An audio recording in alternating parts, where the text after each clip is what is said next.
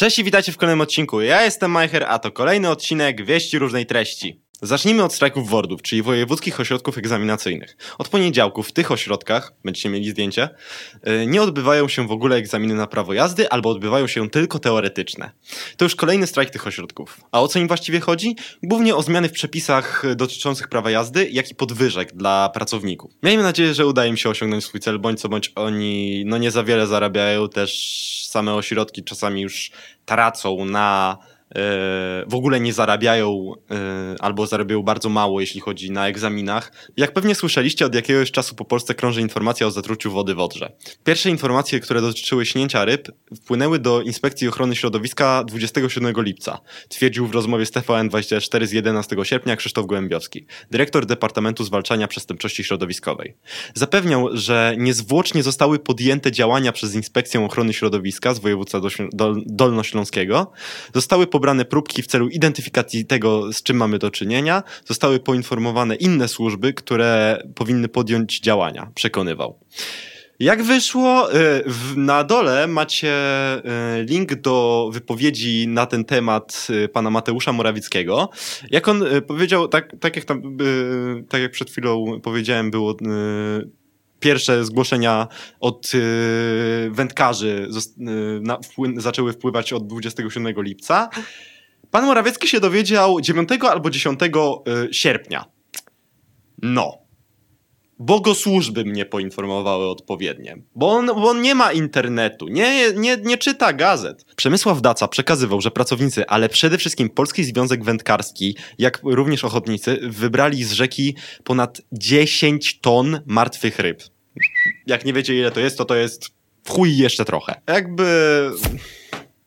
Nie znam się na środowisku, nie będę się wypowiadał, ale jak dla mnie coś tu jest cholernie nie tak, jak nawet nie wiadomo o co chodzi i wszyscy... Y, nie, no, no jeżeli a Morawiecki nawet nie wiedział, to naprawdę, no, no po prostu co się dzieje z tym krajem, naprawdę, nie mam słów.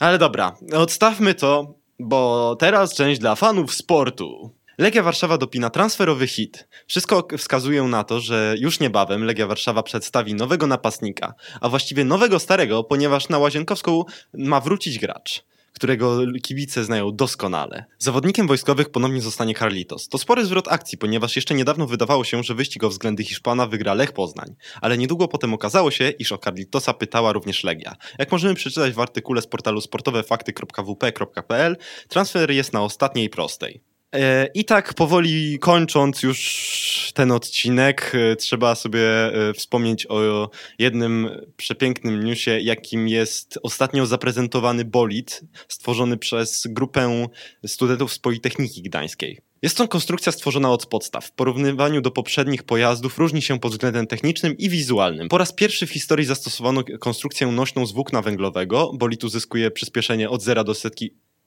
w 3,4 sekundy? Mm, sporo. Prędkość maksymalna to 140 km na godzinę. No nie żeby coś, ja więcej na autostradzie mikro wyciągnę. E, tak, żarty na bok, ale to jest bardzo fajna konstrukcja. Teraz się będzie wam wyświetlać zdjęcie tego e, bolida. Tak, widzicie. E, bolid ma wystartować w wyścigach Formula Student w Niemczech. Są to międzynarodowe zawody inżynierskie. Mamy nadzieję na wynik w pierwszej piątce podczas najbliższych zawodów. Przyznają konstruktorzy SPG Racing Team czyli grupy, która, która ten bolid zbudowała. No cóż, możemy być dumni z naszych rodaków, może zajmą i pierwsze miejsce, kto to wie. I to by było na tyle. Ja byłem Majcher i co, do zobaczenia za tydzień w kolejnym odcinku. Siema!